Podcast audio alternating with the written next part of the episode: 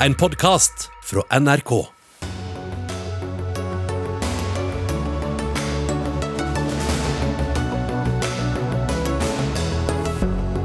Sveriges statsminister Stefan Löfven fikk valget gå av eller avhold nytt valg. I dag leverte han sitt avskjedsbrev. Omstridt forskningsprosjekt om ME-behandling mistet godkjennelsen etter klage fra pasientorganisasjonen. Helt uforståelig, mener prosjektlederen.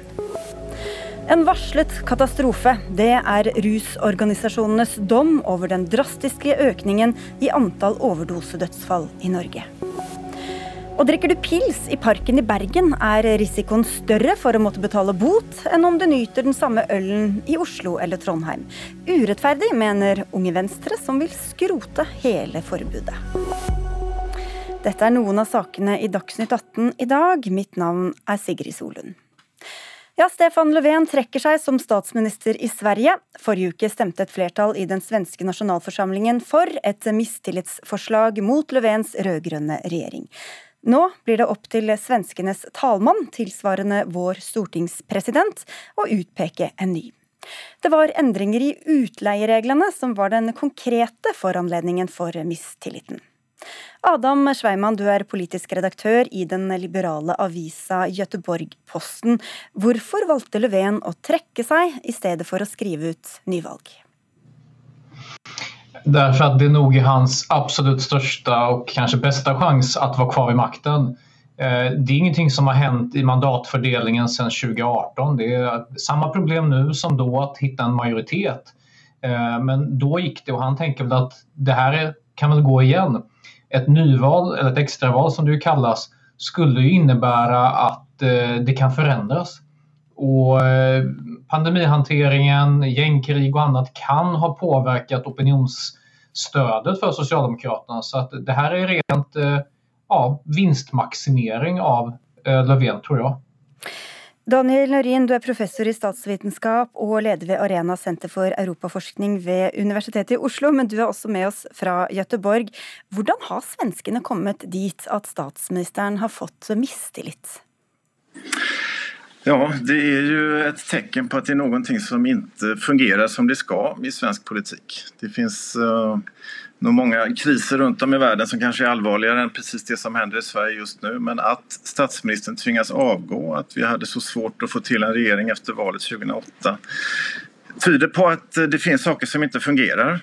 Og uh, på kort sikt handler det om at uh, Vänsterpartiet tröttnade på den socialdemokratiskt ledda regeringen og valde å gå sammen med partiene på høyrekanten for å felle regjeringen. Og nå eh, kommer en period av forhandlinger og samtaler, akkurat som Adam sier. På lang sikt så, så handler det om en forandring i svensk politikk som skjedde redan 2010 når Sverigedemokraterna kom inn i riksdagen for første gangen. Siden sedan dess har vi haft svake minoritetsregjeringer med et usikkert parlamentarisk underlag og de svenske partiene har ikke riktig funnet et sett å håndtere denne situasjonen. Mm. Hvordan er maktbalansen i svensk politikk nå? Nei, det er jo veldig veldig jevnt i riksdagen. Altså, Regner man mandaten så, så finnes det då något enstaka mandats övervikt för en regering som, som kan luta sig mot Socialdemokrater, Miljöpartiet, Centern och möjligen Vänsterpartiet. Då. Uh, och så har vi, det är ju till och med så att vi har ett antal ledamöter som, som kallas för vildar i riksdagen som inte uh, är, är tydligt knutna till något parti som i slutändan kan tänkas avgöra de här omröstningarna. Så det är ett väldigt jämnt läge. Therese Reitan, du er dosent i statsvitenskap og jobber ved Södertörn høgskole. Du er norsk, men du har jobbet og bodd i Sverige over 20 år. Hvis vi sammenligner litt situasjonen i Sverige og i Norge, kunne det samme ha skjedd her? Eh, ja, det kunne det vel i og for seg gjort, men eh, nå er jo situasjonen sånn at vi har, eh, som mine kolleger sa tidligere her, en veldig, veldig vanskelig situasjon med utrolig jevnt mellom blokkene. Og vi har jo en litt annerledes situasjon i og med Sverigedemokraterna som av og til sammenlignes med Fremskrittspartiet, men, men det er jo ikke rimelig i, i denne sammenhengen. For det er en helt annen måte å forholde seg til uh, Sverigedemokraterna har det jo vært. Uh, og, uh, altså i forhold til da, hvordan man har forholdt seg til Fremskrittspartiet i Norge. Så det er klart at det finnes likheter, men, men situasjonen er veldig veldig spesiell i Sverige, skulle jeg nå påstå. Og så er det jo litt, litt annerledes også rent parlamentarisk. Ja, altså på en måte så er det jo samme at det, jo, det gjelder jo for de nordiske landene at vi har en negativ parlamentarisme. Eh, altså, du, du, trenger ikke ha et aktivt flertall, positivt flertall bakom deg, men du må ikke få et eh, flertall mot deg. Eh, og, men den største forskjellen, og det gjelder jo i, i, Norge også, men den største forskjellen er jo det her med muligheten til å utlyse da, eh, ekstravalg eller nyvalg. Da. Og det, det finnes jo ikke i Norge. og det, det setter jo en annen type av ramme rundt den norske politikken. Da. Du er nødt til å finne en løsning, rett og slett. Du har ikke det alternativet. Og Det fantes jo i hvert fall eh, formelt på bordet her, selv om jeg tror at eh, jeg er enig i det som ble sagt her før, at jeg tror at Löfven og mange andre partier vil jo unngå det i det lengste. Og Hvorfor Sveiman, tror du det var viktig å unngå dette nyvalget eller dette ekstravalget? da? Alltså, argumenten som anfördes från, från statsministern var ju att det är svårt att genomföra extraval på, på grund av pandemin. Det, jag tror det är lite av en ursäkt. Det, det har gått att göra. Det stod massa svenskar förra, förra torsdagen och köade till Systembolaget utan några problem inför, inför svensk midsommar. Och, så att säga, det, det, går att göra extraval på ett bra sätt och många har blivit vaccinerade och fram till augusti eller september skulle ännu fler vara vaccinerade. Så att, det handlar om att, om att rädda sitt skinn helt enkelt. Mm. Eh, det skulle vara väldigt riskabelt. Och, men oavsett hur det nu går, om det blir extraval om talmansrundorna inte landar i någon ny regering eh, så innebär det här att slutet för den här tioårsperioden eh, av oklar parlamentarism, den kommer nog komma till ett slut för att nu har partierna insett att, eh, i alla fall Socialdemokraterna har börjat inse det här att det går inte att bortse från Vänsterpartiet, vilket man har de har, man har kunnat räkna med dem, men nu visar de att, för det var någon som, som så utlyste den senaste krisen, eh, man kan räkna bort dem, men inte så här långt. Mm. Eh, och samma gäller med Sverigedemokraterna. Det är drygt, lite drygt 25-30 procent av svenska väljarkåren som man egentligen har kollrat bort genom att säga hela tiden att vi samarbetar inte med ytterlighetspartier och, och, så får de vara lite på sin kant. Och det, det gör ju det permanent osäkert och det, det, kommer nog bli något sorts slut på det. Och det innebär nog både att Sverigedemokraterna och Vänsterpartiet kommer i större utsträckning att, så att säga, bjudas in till mer direkt inflytande. Naurin, denne situasjonen som du også beskrev, hva har det gjort med hva slags politisk handlingsrom regjeringen har hatt, og hva slags politikk som faktisk er blitt ført?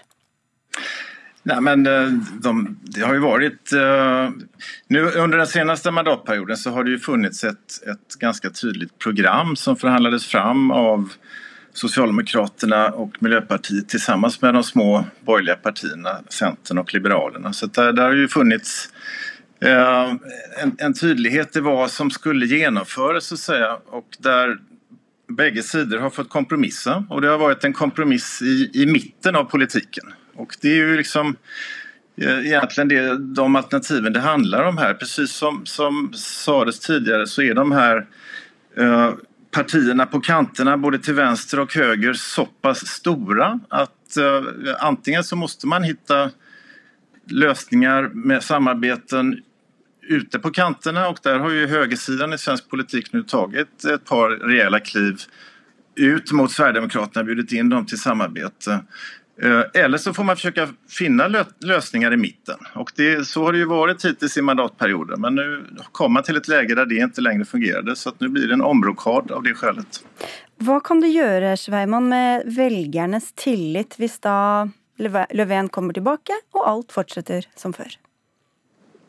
Ja, det är möjligt att de inte märker någonting. Det är ju högsommarvärme, midsommar, semestertider. Ja, det är kanske många som ignorerar det här. Och det är ju också väldigt likt det som hände 2018 dessutom. Ja, nu kommer de sitta och fika där i riksdagshuset ett tag och talmannen kommer försöka få fram någonting. Och så, jag, jag, tror inte, man har vant sig vid det här nu. Alltså, det, som sagt, det här är tio år nu då vi har svaga majoriteter. Och vi, vi höll ju på i fyra månader 2018. I fyra månader höll man på med talmansrunden. Nu tror jag att talmannen inte kommer tillåta att det går riktigt lika långt den här gången. Men jag tror inte det påverkar förtroendet för, för Löfven utan det här är så att säga business as usual numera i svensk politik. Och hvis talmannen inte finner någon lösning? Eh, ja, inte än vad jag vet. Man, imorgon talmannen ska träffa de olika partierna under dagen så att då eh, får vi se. Så det kanske går snabbt den här gången. Det kanske är avgjort redan innan, så att säga, innan, eh, innan veckan är över eller så tar det längre tid. Men eh, jag tror inte det påverkar tilliten. Och så er det jo ordinært valg neste år. Hva tror du denne situasjonen kan gjøre med velgerne og hvem de vil røste på? Jag tror ikke det här påverkar eh, så att eh, åsikter om partierna utan de er, tack och lov får man väl säga, fortfarande sakpolitiskt orienterade. Det er många frågor som, som, spelar stor roll i Sverige. Eh, inte minst brottsligheten har, har varit en, en, väldigt viktig fråga de senaste åren. Eh, efter 2015 även invandringen men sen finns även frågor som klimat och skola så. så att det där spelar mycket större roll än det här. Sen finns det de som är trötta på, på att, eh, så att säga, på regeringen men, med det förändras inte av detta utan så här, vi har redan haft en rörig parlamentarisk situation där vissa varit uteslutna. Så får vi se om det tar dager eller måneder denne gangen. Takk skal dere ha alle tre. Adam Sveiman fra Göteborgs-Posten, Daniel Naurin fra Arena senter for Europaforskning og Therese Reitan ved vid Södertörn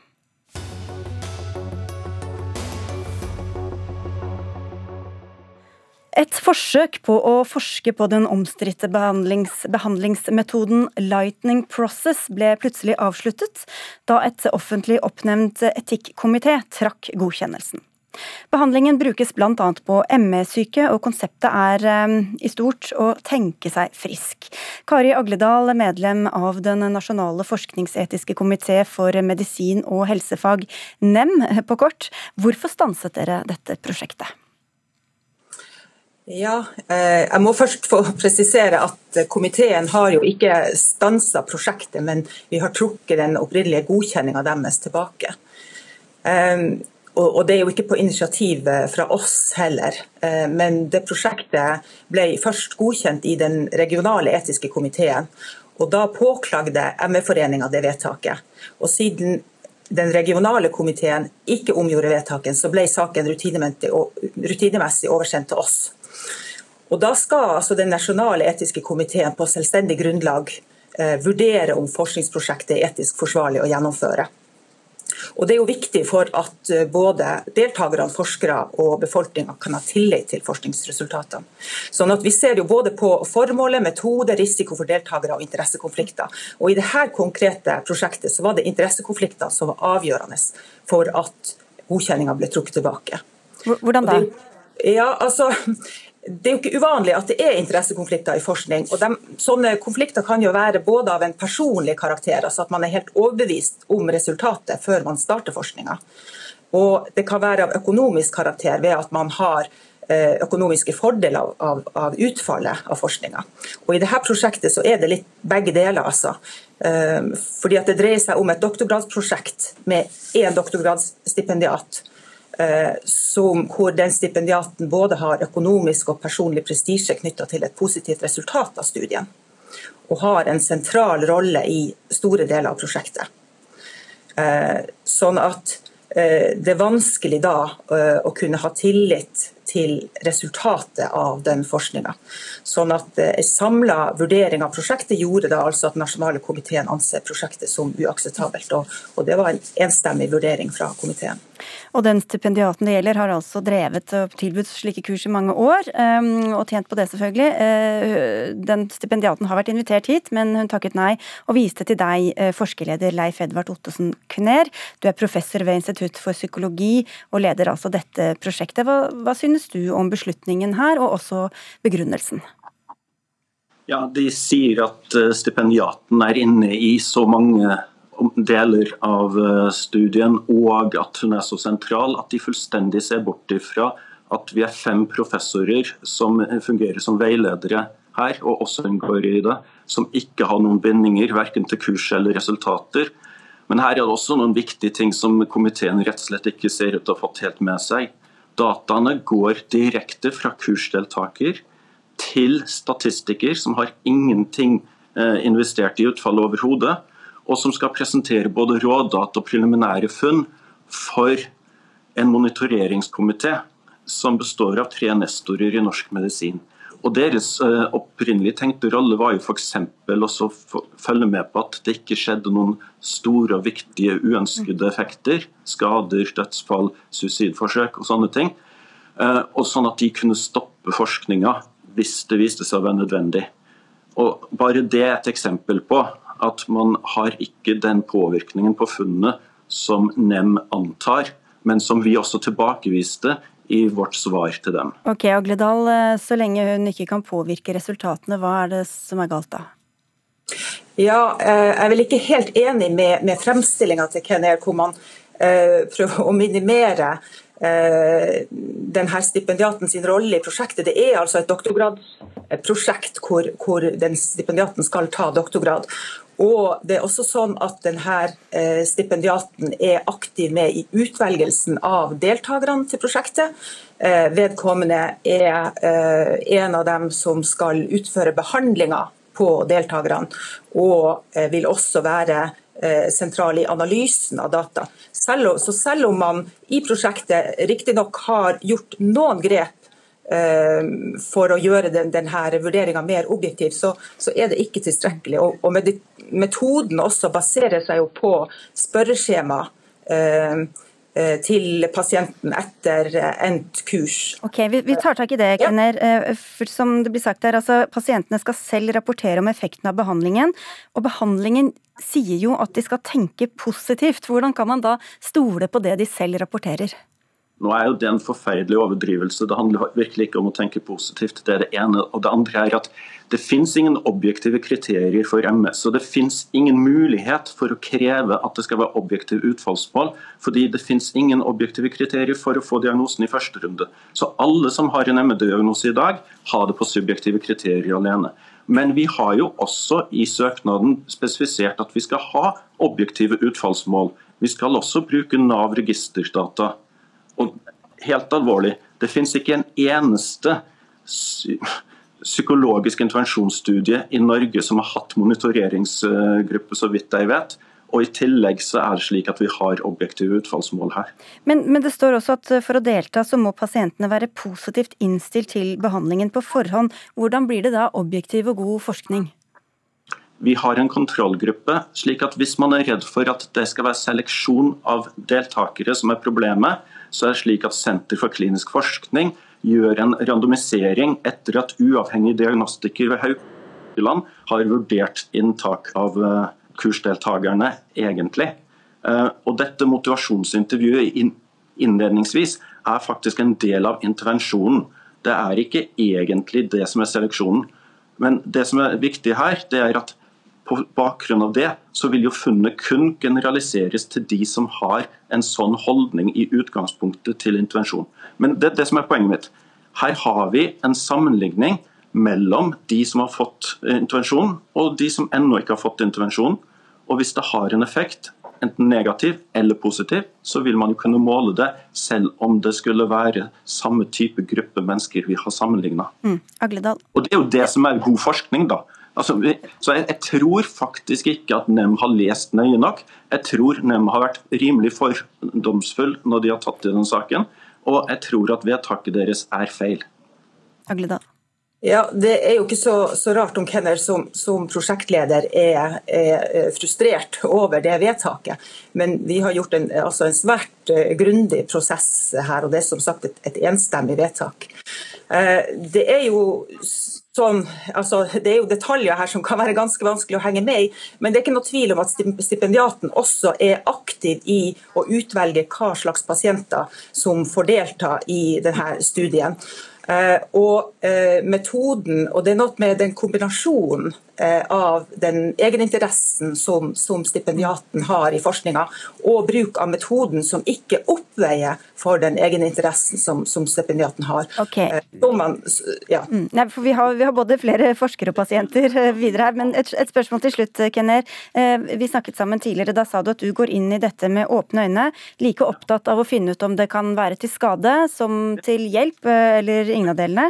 Men hvis man har en mistanke også om at behandlingen kan forverre situasjonen, slik flere tidligere pasienter har, har fortalt om, hvordan er det etisk forsvarlig å utsette dem for et sånt prosjekt? Ja, det er jo det som var grunnen til at vi hadde monitoreringskomiteen med i utgangspunktet. sånn at Ulikt nesten alle andre psykologiske intervensjonsstudier som noensinne er gjennomført i Norge, så har vi en egen komité bestående av tre erfarne medisinere som skal følge med på om det blir forverring, og som skal trekke i snoren hvis det blir eh, noe ille. Og Dette er helt vesentlig for min del. Vi er like interessert i om det har skadevirkning som at det har positiv virkning. Begge deler. Vi får se om dere får gå videre med prosjektet etter hvert. Du ønsker ikke som forsker å diskutere med pasienter eller pårørende, så vi takker av dere begge to, Kari Agledal og eh, Leif Ottesen Kenner. Og så går vi over til to som har, eller er, har vært eller er veldig syke, men med ulikt syn på denne behandlingsformen. Og dere er også medlemmer i to ulike pasientorganisasjoner. Nina Steinkoff, du er med i den største av dem, Norges ME-forening. Du ble diagnostisert med ME og har engasjert, seg, eh, engasjert deg sterkt i forskningen på denne lightning process da, som vi snakket om. Hvorfor var det viktig å stanse dette prosjektet, mener du? Først og fremst så må jeg si at vi er mange tusen ME-pasienter i Norge som nå er dypt takknemlige for NEM sin grundige vurdering av denne saken. Eh, årsaken til at jeg har engasjert meg i dette, er at det er veldig mange pasienter som har tatt kontakt med meg og delt sine erfaringer med Lightning Process, som har vært til dels veldig negative. Mange har blitt veldig syke pga. denne her metoden. Eh, metoden består bl.a. i at de skal si stopp til symptomer. Og de blir valgt ut på forhånd eh, med kriterier at de ikke skal stille kritiske spørsmål. De blir fortalt at en betingelse for at metoden skal virke, er at de forteller seg selv og andre at de er blitt friske. Jeg syns òg det er bekymringsfullt at disse instruktørene ikke er helsepersonell. Og Da ser de seg selv at med disse spørreskjemaene på denne studien, hvor de skulle svare på spørsmål om de var friske eller ei, så ville det farge resultatet av studien i ganske stor grad. Hvis vi forlater denne studien og snakker mer generelt om denne type behandling, hvordan, hva er det folk sier som har gjennomgått den og sier at de har blitt verre? Hva har skjedd da? Eh, de har pressa seg selv ut over tålegrensene sine, og det er farlig når du har ME. Og De har òg måttet skrive under på en kontrakt på at de har blitt friske. Og de har fått forbud mot å fortelle om hva de har opplevd på kursene. Det har vært en svær, stor belastning for mange. og annet så har NRK skrevet om en 13-åring som forsøkte å ta livet sitt etter et Lighting Process-kurs. Bjørne Bjørnson, du har gått på et av disse kursene. Hva var din erfaring? Min erfaring var at jeg hadde brukt mye tid og penger og vært gjennom det offentlige helsevesenet over lang tid og ikke funnet noe som hadde hjulpet meg. Og så hørte jeg en historie om noen andre som hadde ligget på et mørkt rom med ME-diagnose i mange år, som hadde blitt friske av et LP-kurs. Og som en sånn, litt sånn siste håp så dro jeg på kurs eh, med Liv i Landmark. Og for min del så opplevde jeg å komme inn den dagen og ha ligget i flere Altså det har ligget 13 måneder hos mamma og pappa, vært pleiepasient.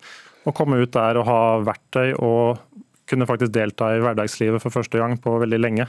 Og, så jeg hadde en veldig positiv opplevelse av det, og syns derfor det er synd at det ikke i hvert fall kan forskes på det kurset her. Da. For jeg hadde så stor så nytte av det selv. Ja, hvorfor er ikke all forskning bra, Steinkopf, på et felt som vi vet såpass lite om som ME? Eh, først Når det gjelder Bjørne, så syns jeg det er relevant å ta med her at VG skrev om Bjørne i 2016 at han ikke fikk en ME-diagnose. Ok, Skal vi ta det først? da? Fikk, har du fått ja, ja. blitt diagnostisert med ME eller ikke? Jo, um, skal, jeg, jeg, visste at det spørsmålet kom, så derfor så jeg, dro jeg både til uh, Kongsberg og fastleger og, og sykehuset her i byen og henta pasientjournalene mine. Fordi når jeg ble intervjua i VG 2016 uh, om at jeg hadde blitt frisk, så hadde ikke jeg hele historien om altså På den tiden så visste jeg ikke, hadde ikke lest pasientjournalene mine, så jeg hadde ikke sett gjennom alt som lå til grunn for diagnosen og om jeg hadde fått ME-diagnose eller ikke. Men når jeg nå var og henta pasientjournalene mine, så fikk jeg ME-diagnose av min lege på slutten av 2015. Ok, men uh, Steinkoff, da, da, til dette med forskningen. da. Hvor, altså, hvorfor ikke all, all forskning er bedre enn ingen forskning? Nei, det stemmer ikke. Når det gjelder eh, ME-pasienter som har et så alvorlig lidelsestrykk, så er det viktig at forskningen er forsvarlig. Og Nå har NEM vurdert denne studien som ikke forsvarlig. Um, Skjønner du, Bjørnson, som vi hørte her litt, at de som er skikkelig skikkelig syke i mange år, og som ikke bare kan gå på et kurs og bli bra, at det kan føles ganske fornedrende å høre at man må tenke seg vekk, tenke seg ut av smerter og sykdom? Altså jeg vet jo hvordan de har det, fordi jeg har vært der selv. Jeg har vært, vært pleiepasient, jeg har blitt matet, jeg har pissa på flasker på gutterommet og blitt tatt vare på mamma og pappa. Så jeg vet at det er forferdelig. Og, synes, og Det er derfor jeg er her, fordi jeg ønsker i hvert fall å vise at noen har blitt friske. Og så sier jeg ikke det at alle eller hvem som helst kan bli det, men jeg jeg i hvert fall at noen kan bli det, og har blitt det selv. Og Da tenker jeg at da er det viktig at det i hvert fall forskes på, så vi kan få fram tall på hvor mange gjelder det. altså sånn, virkelig ja, Sette lys på det. Hva kan være negativt med det, Steinkopf? Jeg tenker at eh, så lenge det ikke er endelig avklart hva ME er for noe, så bør vi ikke gå i gang og behandle med metoder som vi vet forskningen viser at det er dels store prosenter som har negativ effekt av. Selv om det ikke Eller selv om det skulle være altså Mye av debatten som ligger under her, er jo om man skal på en måte se på ME som en biologisk eller en psykososial sykdom, eller en blanding eh, og ulike innfallsvinkler der. Men uansett så finnes det jo ingen medisinsk kur foreløpig. Og da står vi igjen med kognitiv behandling. Hvorfor ikke bruke de verktøyene som man faktisk har, før det eventuelt kommer noen kur eller annen medisin? Du vet, Internasjonalt så er det ikke lenger noe tvil om at ME er en fysisk, fysisk sykdom. Det er en liten gruppe fagfolk her i Norge som er tilhengere av lightning process, og som tenker at ME er en opphengt stressrespons. Det er det ikke. Og det stemmer, det er ikke noe behandling, det er ikke noe virksom behandling for ME. Det beste ME-pasienter kan gjøre, det er å drive med aktivitetsavpassing. Altså kjenne etter på, på kroppens signaler, og ikke gå ut over tålegrensene. Og Hvis man sier at dette er en psykisk sykdom, eh, Bjørnson, hva gjør det med viljen til å bruke tid og penger på å forske på andre aspekter, tror du? Altså jeg tror man må se på alle mulige aspekter, fysiske og psykiske. Altså sånn, Så mye forskning som mulig tenker jeg må være svaret her. Og så vil jeg bare si også det at um, for meg, Det var noen andre som fortalte sin historie om at de de hadde blitt friske og det var mulig å bli frisk for uh, i 2015 da jeg var syk. og bare Det at, det er derfor jeg er her i dag, for jeg ønsker i hvert fall å vise at det er noen som har klart det. Jeg sier ikke at alle eller for hvem, jeg vet ikke hvem det kan funke for, men jeg vet i hvert fall at det er viktig å vise de som har klart det. Da, og at det, er, uh, at det er i hvert fall for noen mulig. Vi har snakket med veldig mange Steinkopf, uh, enten som forskere eller er engasjert ellers på dette feltet. og Det er veldig mange som kvier seg for å snakke i offentligheten fordi det er blitt så betent, og beskriver det som om det er to fronter som ligger i hver sin skyttergrav, nærmest. Hvordan tror du vi er kommet hit? Det tror jeg òg er kommet av at det, er en faglig strid mellom en liten gruppe høylytte fagfolk som er tilhengere av lightning process og denne her teorien om en opphengt stressrespons. Og så er det en annen større faggruppe og forskere internasjonalt som har gått vekk fra sånne teorier, og som er tydelige på at ME er en fysisk sykdom så er det da lett å angripe oss pasienter når vi tar til motmæle og når vi tar og kritiserer studiedesign og sånn, så blir det ofte betegnet som personangrep. Dessverre. Men når det er så betent, hva tror du det kan gjøre med lysten til å gå inn i forskningsfeltet i det hele tatt? Det er mange som ønsker å gå inn i ME-forskning. Det viser internasjonale studier som det ble publisert store mengder biomedisinsk forskning på ME for tida. Så det er et fagfelt hvor det er økning i interesse. Og vi har som nevnt snakket med flere av dem som er involvert. Ehm, det var ehm, ingen eh, som ville komme hit eh, i dag. Vi skal si tusen takk til eh, dere. Vi har med en forsker, men vi skal få høre fra henne snart. Takk skal dere ha. Bjørne Bjørnson, altså en som hadde gått på denne Lightning Process-kurset, og til Nina Steinkopf, som også har vært diagnostisert, eller er diagnostisert med ME. Ingrid Helland, du er leder for Nasjonalt kompetansesenter for CFS-ME, som det da heter. Hvordan tror du det er blitt et så høyt konfliktnivå som det vi har sett egentlig gjennom mange år? Dessverre så tror jeg veldig mange pasienter med CFSME har blitt eh, dårlig møtt av helsevesenet. De er blitt eh, mistrodd og eh, har fått dårlige råd i helsevesenet. Og dette har medført at det er en, en stor skepsis blant pasientene og pasientorganisasjonene mot helsevesenet. Dessverre. Alle som er diagnostisert med ME, feiler de nødvendigvis det samme? Hva vet vi om det? Vi vet ikke det helt. Vi vet stadig mer om hva som skjer i kroppen til de pasientene som har CFS-ME. Men vi har fortsatt ikke klart å finne én biologisk faktor, en biomarkør, som vi kan måle hos pasienter som har CFSME, og som ikke finnes hos pasienter med andre sykdommer. Men man vet heller ikke at det ikke er det? Nei, vi vet ikke at det ikke er det, og vi leter stadig. Um, vi tenker oss vel kanskje at sykdommen er mer skyldes en, et, et samspill av flere faktorer hvor både biologiske faktorer, eh, psykiske faktorer og sosiale faktorer er eh, med på at noen utvikler sykdommen. Slik det er ved veldig mange andre sykdommer også. Men hvorfor, når det er et samspill, hvorfor eh, blir det så mye mer betent da, når vi snakker om ME enn hvis vi snakker om kreft f.eks.?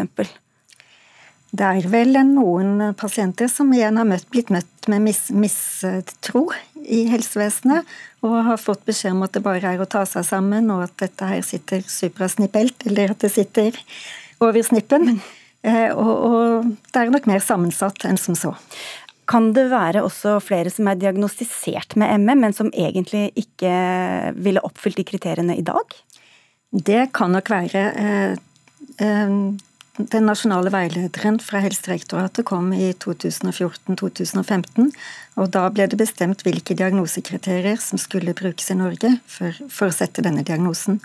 Før det så, så, vet vi egentlig ikke hvilke kriterier som ble brukt. Det var nok mye opp til den enkelte lege. Eh, og, og vi er også usikre på hvor mye som ble gjort av utredning i forkant av at pasientene fikk CFS-ME. Men Kan det da også være mange som har trodd at de har hatt ME og fått eh, nytte av en behandling som kanskje ikke hjelper egentlig mot ME? Kanskje, det vet vi ikke. Eh, og så vet vi også at eh, sykdomsbildet kan varieres over tid. Noe kan ha startet som CFS-ME, og så har det utviklet seg til andre tilstander etter hvert. Og så er det jo sånn at vi leger, det hender jo at vi stiller feil diagnoser. Så det, det er derfor jeg tenker det er viktig at man med jevne mellomrom revurderer en CFSM-diagnose, slik vi ofte gjør med andre sykdommer også. Men Hva vet vi hjelper, da? Om noe? Det finnes ingen eh, medisin. Eh, vi har ikke klart å finne én medisin som, som, hjelper for alle pasienter med CFSME. Eh, så det vi vet per i dag, er at noen har utbytte av en psykologisk støttebehandling hvis de er motivert. Og så er det dette med aktivitetsavpasning. At man aldri skal eh, overskride ens egen toleranse for aktivitet, slik at symptomene forverrer seg. Takk skal du ha, Ingrid Helland, for at du kom, leder for Nasjonalt kompetansesenter for CFS-ME.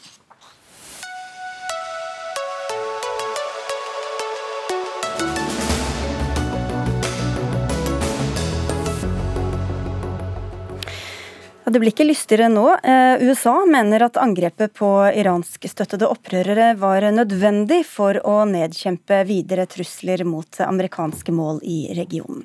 Irak derimot fordømmer angrepet som skjedde i grenseområdet mellom Irak og Syria, og sier at det er et klart brudd på irakisk eh, suverenitet. USA-korrespondent Anders Magnus, eh, hvordan begrunner USA nattens angrep? En del droneangrep fra disse basene som ligger eh, nær eh, grensen mellom Irak og Syria. Eh, to på irakisk side og én på syrisk side. Dette er grupper som er alliert med Iran. Shia-muslimske militsgrupper i Irak som styres så å si fra Iran. Og De har da angrepet amerikanske flybaser med droner som flyr lavt og sender eksplosiver inn i disse basene. Og dette ville amerikanerne nå ha en slutt på. Eh, det har vært stor oppslutning om denne aksjonen i eh, USA fra begge partier. Irak reagerer naturlig nok fordi det er deres territorium, det må de jo gjøre. Men samtidig så klarer jo ikke den irakiske regjeringen heller å kontrollere disse militsene og deres aktiviteter. Kjetil Selvik, seniorforsker ved NUPI, kan Iran komme til å svare på nattens angrep? Det kan de, eh, i hvert fall indirekte. Dette er en del av en langvarig, kall det gjerne utmattelseskrig, i hvert fall fra Irans perspektiv. Men også fra USAs perspektiv så er jo tilnærmingen til Iran delt. For man, man har en blanding av press og forhandlingsvilje nå under Biden. President Biden eh, videreførte jo i praksis sanksjonene som Trump hadde innført mot Iran. Men han signaliserte samtidig en vilje til å forhandle de bort hvis det kom noen eh, tilsvarende forhandlingsvilje på den andre siden. Slik at presset mot Iran ligger der, og Iran presser tilbake.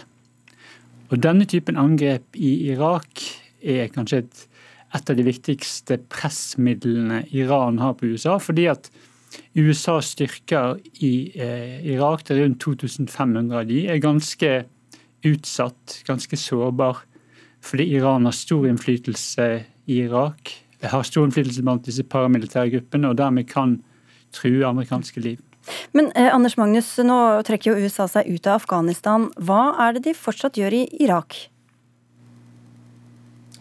De har jo eh, kontroll med en del av eh, disse områdene i Syria hvor eh, IS var sterke. De har jo ikke trukket seg helt ut der. Og så har de jo selvfølgelig baser i Irak. De har en base i det kurdiske området i Erbil. Og denne basen var jo ble, en av dem som ble angrepet. Og Irak er jo et litt rart land fordi kurdi, de kurdiske områdene i nord er jo litt uh, selvstyrte og hører ikke alltid på hva sentralregjeringen i Bagdad sier. Så, uh, og denne basen vil nok amerikanerne gjerne ønske å fortsette å ha. Samtidig så har de også en del soldater som beskytter ambassaden i Irak. I, i, uh, Bagdad, i den såkalte grønne sonen. De, de, trenger de for, for å unngå angrep mot ambassadebygningen og de ambassadeansatte. Men det er klart at eh, dette, slike angrep som dette fører nok til en, eh, et press mot USA for å trekke ut enda flere soldater. Og under Biden så er det nok eh, bevegelser også for å trekke seg fullstendig ut av Irak. Og det kan jo selvfølgelig lette forhandlingene med Iran om å gjenoppta denne atomavtalen. Men der er det jo også veldig mange andre spørsmål som er mye viktigere enn eh, disse relativt små angrepene. Hva kan skje hvis de trekker seg ut, tror du, Selvik? Mye kan skje hvis de trekker seg ut. Det er, det er et annet paradoks her, eh, som er at eh, USA nå på en og samme tid signaliserer at de vil egentlig ut av Midtøsten. Eh, de ser det i Afghanistan, og egentlig ser vi det i Irak og Syria flere steder. Samtidig som de er opptatt av å trekke opp noen røde linjer, det man kaller avskrekking. Si at ok, vi trekker oss ut, men dere må ikke gå for langt likevel. Ikke tror vi forsvinner helt? Ikke, ikke, vi er her, i, vi skal fortsette å være her, på en måte. Men jeg tror at for aktørene lokalt eh, så leser man det litt annerledes. Man fokuserer på den første delen. USA er på vei ut, vi har vunnet. Nå må vi bare løpe inn oppløpssiden og holde fanen høyt. Og Det er særlig viktig nå å fortsette å presse USA, sånn at vi kan innkassere gevinsten etterpå og si at det var vi som vant. Vi jaget USA ut. Det var ikke fordi USA var mer opptatt av Kina i Sørøst-Asia, det var fordi vi vant.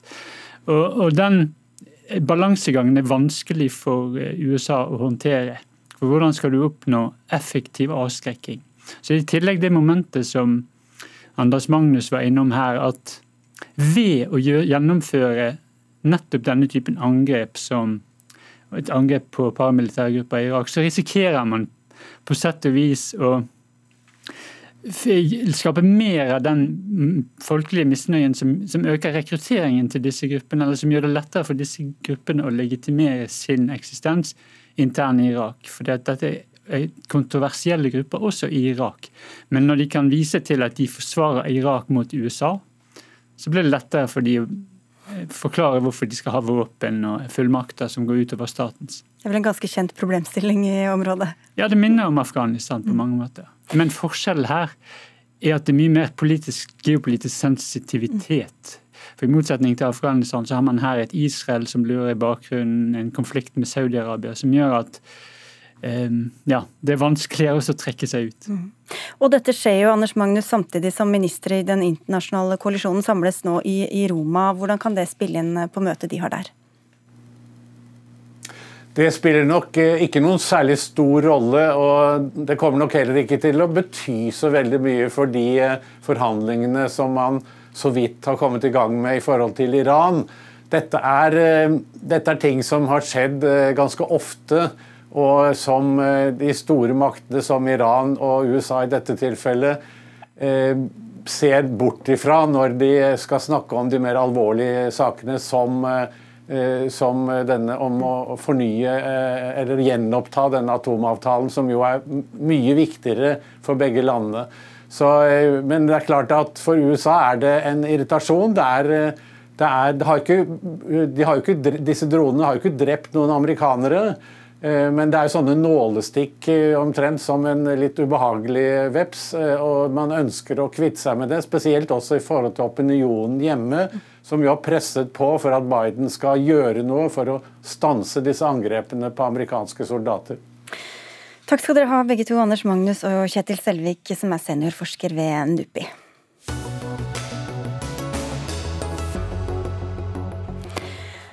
Ikke siden 2001 har så mange, mange, mennesker dødd av overdoser i Norge.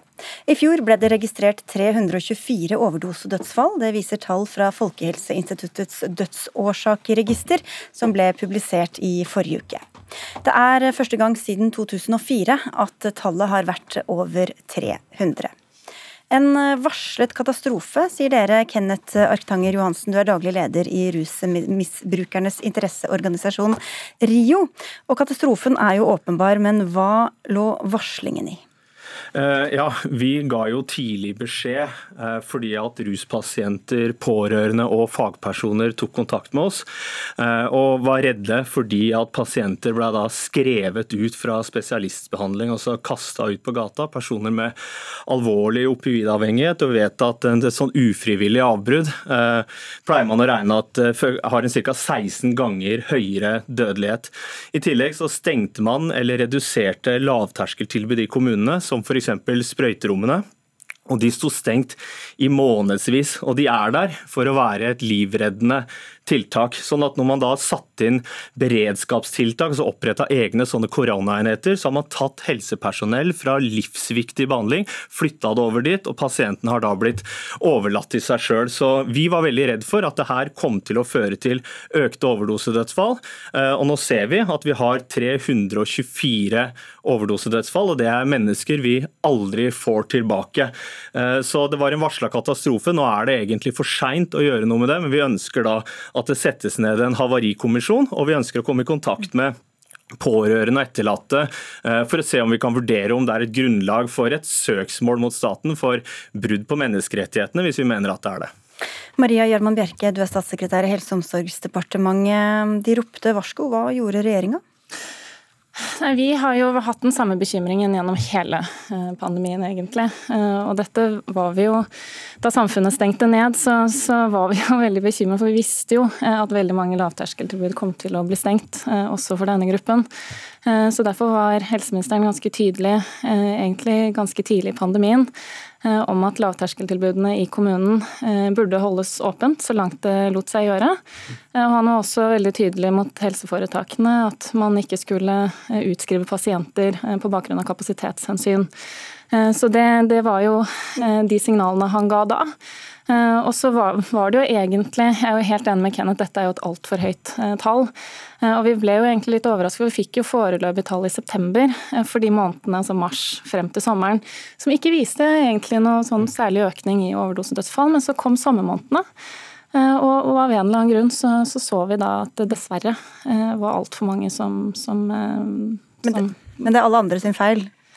Nei, og, og, dette er jo noe vi er nødt til å lære av. Det er jeg jo helt enig med Kenneth i. For 324 overdosedødsfall, det er for mange. Eh, og Det er jo det som er vanskelig når du skal håndtere en pandemi. fordi Vi vet jo at smitteverntiltakene av og til kan ha den negative konsekvensen. Eh, at mennesker i nød ikke får den hjelpen de trenger. så Derfor var helseministeren veldig veldig tydelig på det. Eh, men dessverre så ser vi at smitteverntiltakene nok sannsynligvis har ført til flere dødsfall enn det som normalt er. Og så tror vi også at det har sammenheng med en sterkere, altså den heroinen som har vært i omløp nå, har vært sterkere enn tidligere. Så det er de to årsakene vi tror kanskje ligger til grunn. Og det var jo unntakstilstand. Det var skoler og barnehager som ble stengt ned. Hele samfunnet ble lukket. Operasjoner ble utsatt. Hvordan skulle tilbudet akkurat til de rusavhengige bli opprettholdt? Jeg skulle ikke kaste dem på gata. Når, altså hvis du skal ha en beredskapsplanlegging, så må du jo planlegge for at det kunne skje uforutsette hendelser. og Da skal jo ikke da tiltakene du setter inn være at du må kutte i livreddende tiltak til pasientene. Da. Og Det er det man har gjort. og Jeg er redd for, eh, og det sier jo også statssekretæren selv, at uh, trolig så kan det ha en sammenheng med, de, eh, med den overdødeligheten som vi har hatt. Og Jeg kan ikke si at jeg opplevde egentlig regjeringa til å være så veldig frampå. Vi forsøkte å si ifra. Vi opplevde egentlig at vi sto ganske ganske alene også. Eh, og Den responsen som kom fra, kom fra, statsråden, var jo da basert på en rapport fra Helsedirektoratet om at det har vært økt aktivitet i spesialisthelsetjenesten i mars 2020 versus mars 2019. Eh, Men dette var jo konkrete saker, konkrete hendelser. Det var pasienter som tok kontakt med oss, pårørende, fagpersoner, og varsla om dette her. Og Jeg har ikke opplevd at ledelsen i de ulike helseforetakene, bl.a. i Helse Bergen, har opptrådt særlig tillitsvekkende. Har egentlig vært ute i sosiale medier og prøvd å avkrefta eh, at dette har skjedd. Så jeg det jeg vil, er egentlig bare at vi må få en ordentlig kartlegging av hva det er som har skjedd, sånn at vi kan unngå at noe lignende skjer igjen. Og jeg er helt enig i at ja, vi har sett noen beslag på at det har vært noe sterkere heroin, men det er 20 år siden vi har hatt så mange overdosedødsfall. Eh, på de 20 årene så har vi også kommet inn partier med sterk heroin, så jeg holder fortsatt en knapp på at uh, regjeringa, myndighetene og kommunene burde ha gjort mye mer. Og Du sier Bjerka, at eh, Høie var tydelig at dette, denne gruppa skulle ikke, at det ikke skulle gå utover denne gruppa. Men når dere så hva som skjedde i helseforetakene, hvordan fulgte dere opp da? Nei, helse, Helseministeren har jo vært eh, tydelig hele veien eh, på at man ikke skal skrive ut ruspasienter og begrunne det i kapasitetshensyn. Og så er det jo det er jo helt riktig at De rapportene vi så, var jo faktisk at det var ikke så stor nedgang i aktiviteten på rus og psykisk helse. Dette var jo de områdene som faktisk man beholdt aktivitetsnivået på ganske likt nivå som man hadde før pandemien. Eh, sånn at Det var tydelig at det, var en, det nådde fram eh, i mange helseforetak, men vi så også dessverre eh, noen tragiske eksempler på at det ikke ble fulgt opp godt nok. Og Det er sterkt beklagelig, og det er jo, jeg er helt enig med Kenneth. Vi er nødt til å unngå at vi ved neste pandemi og i neste krisesituasjon havner der hvor vi er i dag. At 324 mennesker, eh, dessverre. Eh. Men du er enig i at lavterskeltilbudene forsvant i flere byer? Ja, i starten gjorde det det. Eh, og det gjaldt jo ikke bare for personer med rusavhengighet, det gjaldt for veldig mange andre grupper også. Vi var jo i en krisesituasjon denne gang, vi visste jo ikke helt hva vi sto overfor. Men så tok det ikke veldig lang tid før helseministeren kom på banen og sa at lavterskeltilbud for disse gruppene skulle holdes åpne så langt det lot seg gjøre. Men dette er vanskelige avveininger. Vi må også ta hensyn til å stoppe smitten og, og ta, ha de nødvendige smitteverntiltakene, samtidig som disse tjenestene skulle holdes åpne så langt det lot seg gjøre. Ja, Vi burde aldri ha stengt dem. Altså Sprøyterommet i Oslo og Bergen blei ble jo stengt omtrent umiddelbart. Og det åpna ikke igjen ikke sant, på flere måneder. I sommer, sommeren da, 2020 så var jo det åpent på restaurantene. Folk satt ute og drakk og skåla, hadde det ålreit og sånt.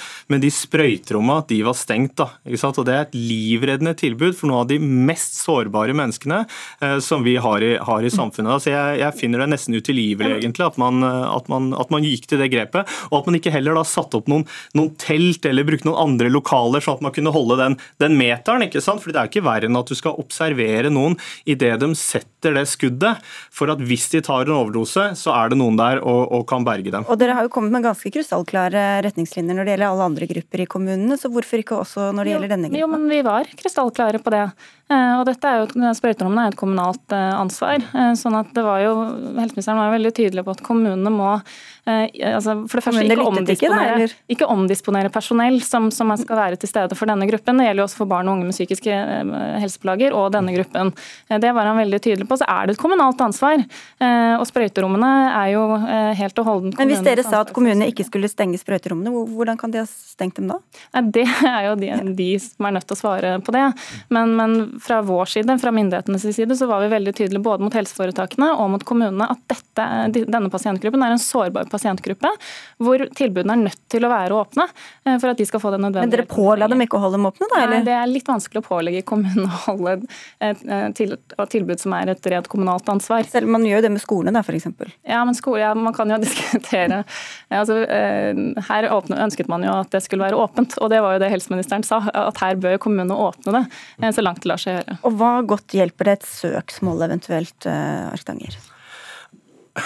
Det er noe med at vi hører disse tallene her hvert år. Det er veldig mange som dør av overdose i Norge hvert eneste år. Et av verdens rikeste land. Eh, et søksmål kan hjelpe for etterlatte, og det kan vise at vi, at vi på en måte mener at den gruppa her også fortjener rettferdighet, rettferdighet i samfunnet. Vi får ikke gjort noe med dette. Vi får ikke disse menneskene tilbake dessverre. Det er noen sønner, døtre, mødre, fedre, venner, familievenner. Vi får dem ikke tilbake, men vi må sørge for at det aldri skjer igjen. Og jeg mener at hvis, hvis staten, som har det overordnede ansvar for å ivareta menneskerettighetene, kan ha brutt menneskerettighetene til høyest mulig oppnåelig fysisk og psykisk helse for denne gruppa, så mener jeg det er på sin plass å vurdere et søksmål. Og Søksmål det ligger utenfor ditt uh, område, Bjerke, men en havarikommisjon? Altså, vi er Alle tiltak som kan bidra til å redusere antall overdoser fremover, vil vi være positive til. Eh, nå vet jeg at Kenneth og, Rio har bedt om et møte med helseministeren, så det vil jo være naturlig at man diskuterer f.eks. en granskingskombinasjon i det møtet. Men vi er jo veldig, veldig, vi har en overdosestrategi nå, den løper ut i 2022. Eh, og før den tid så er vi nødt til å, å se på hvilke tiltak vi bør og må gjennomføre egentlig for å redusere overdosedødsfall. har vært et av de prioriterte områdene for denne regjeringen. Det har vært en, eh, et av de områdene vi har satset sterkest på. Så dessverre så ser vi at disse tallene gjør at vi er nødt til å egentlig styrke den innsatsen fremover. Dere får utveksle telefonnumre hvis dere ikke allerede har gjort det. Takk skal dere ha for at dere kom, begge to. Kenneth Erktanger Johansen fra Rio og statssekretær Maria Jarmon Bjerke.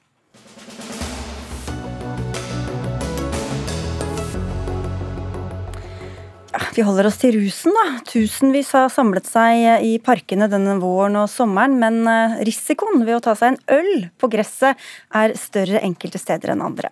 For mens du risikerer bot på 2500 kroner hvis du tar deg en pils i parken i Bergen, er sjansen stor for at du slipper unna i Oslo eller Trondheim. Etter alkoholloven er det forbudt å drikke alkohol i park eller på annen offentlig plass, men politiet håndhever altså loven ulikt i ulike byer, og dette mener dere blir feil, skriver dere i et innlegg i Nettavisen. Ane Breivik, du er nestleder i Unge Venstre. Hvorfor er det så problematisk at politiet opptrer litt ulikt forskjellige steder? Eh, for det første så er det jo rent prinsipielle grunner til at vi vil ha forbudet vekk. Du skader jo ingen om du sitter med en øl i Nygårdsparken eller Sofienbergparken. Å bråke eller å plage folk, det er jo uansett forbudt, uh, uavhengig av hvor klink edru du måtte være. Men for det andre så uh, er det jo som du sier at forbudet mot pils i park det håndheves ulikt fra sted til sted. Fra politidistrikt til politidistrikt. Som reisende eller besøkende til en by, så kan det være vanskelig å vite hva som er den gjeldende tilstanden dit man kommer. Loven er jo den samme, da, så ja. du kan jo vite at du ikke skal drikke på offentlig sted. Men i de store byene så praktiseres jo gjerne forbudet som en sovende paragraf. Og nettopp det at vi gjør forbud, altså at vi gjør pils i park ulovlig for alle, det er jo det som kommer nærmest et frislipp eller en lovløs tilstand, slik det allerede er i dag. Fordi det er ulovlig uavhengig hvor du måtte være, uavhengig hvilken tid av døgnet det er, uavhengig av om du befinner deg alene i parken eller ved siden av en barnehage f.eks. Derfor så ønsker Venstre å fjerne det statlige forbudet, eller la kommunene og de lokale folkevalgte regulere dette selv. Og nærmere folk blir det jo da, Agnete Masternes Hansen, du er sentralstyremedlem i AOF, så det er dere vel for? Nei, altså Vi mener jo at dagens ordning fungerer greit. Eh, jeg tror vi er mange unge som har tatt oss en pils ut i ny og ne uten at det har bydd på noen større problemer. Hvis du oppfører deg, så bruker det å gå fint. Men det vi er opptatt av, er at vi ikke vil at trygge familieområder skal bli et område der man risikerer å møte overstadig berusa mennesker med frislipp, som det Unge Venstre ønsker. Vi vil heller verne om parkene som en trygg arena og et fristed for alle. For det er nok av unger som vokser opp i alkoholiserte hjem, som kanskje trenger uteølen som et fristed.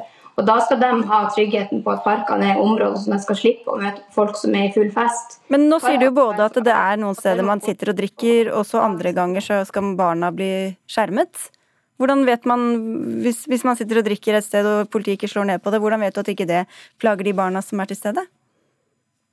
Nei, da har jo, altså Nå har man jo loven i bakhånd, så hvis man risikerer å oppleve det, så har man jo eh, mulighet til å kontakte myndighetene og få, få, hjelp til det. Det vil jo være mye vanskeligere for politiet å, å håndheve hvis man faktisk, hvis man gjør det her lovlig. da. Og så er det jo et sikkert vårtegn eh, når, og at det nærmer seg valg når det her igjen blir et tema.